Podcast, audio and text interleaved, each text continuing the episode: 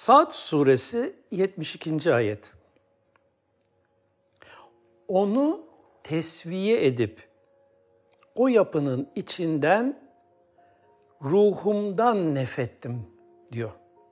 Ve izâ sevveytehu ve nefahtu fihi min ruhi. Şimdi bir kere nefetme dışarıdan içeriye değildir. İçeriden dışarıyadır.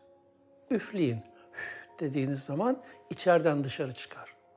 Yani ruhun oluşumu beynin kendi yapısının içinden dışarıya doğrudur.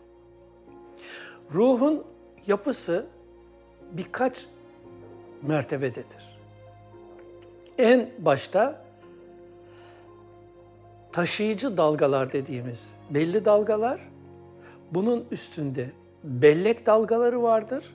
Bunun üstünde ruhu nurani diye geçmiştekilerin bahsettiği halifeliğin manasını ihtiva eden dalgalar vardır. Anti çekim dalgaları dediğimiz, benim bu ismi koyduğum bir dalgalar vardır. İşte bu anti çekim dalgası dediğimiz yapı insani ruhu taşıyan ve insanın cennete gitmesine, cennet boyutuna geçmesine vesile olan yapıdır insan ruhundaki. Geçmiş bütün veliler bu sırra ermişlerdir, bilirler. Ruh deyince birkaç manaya gelir.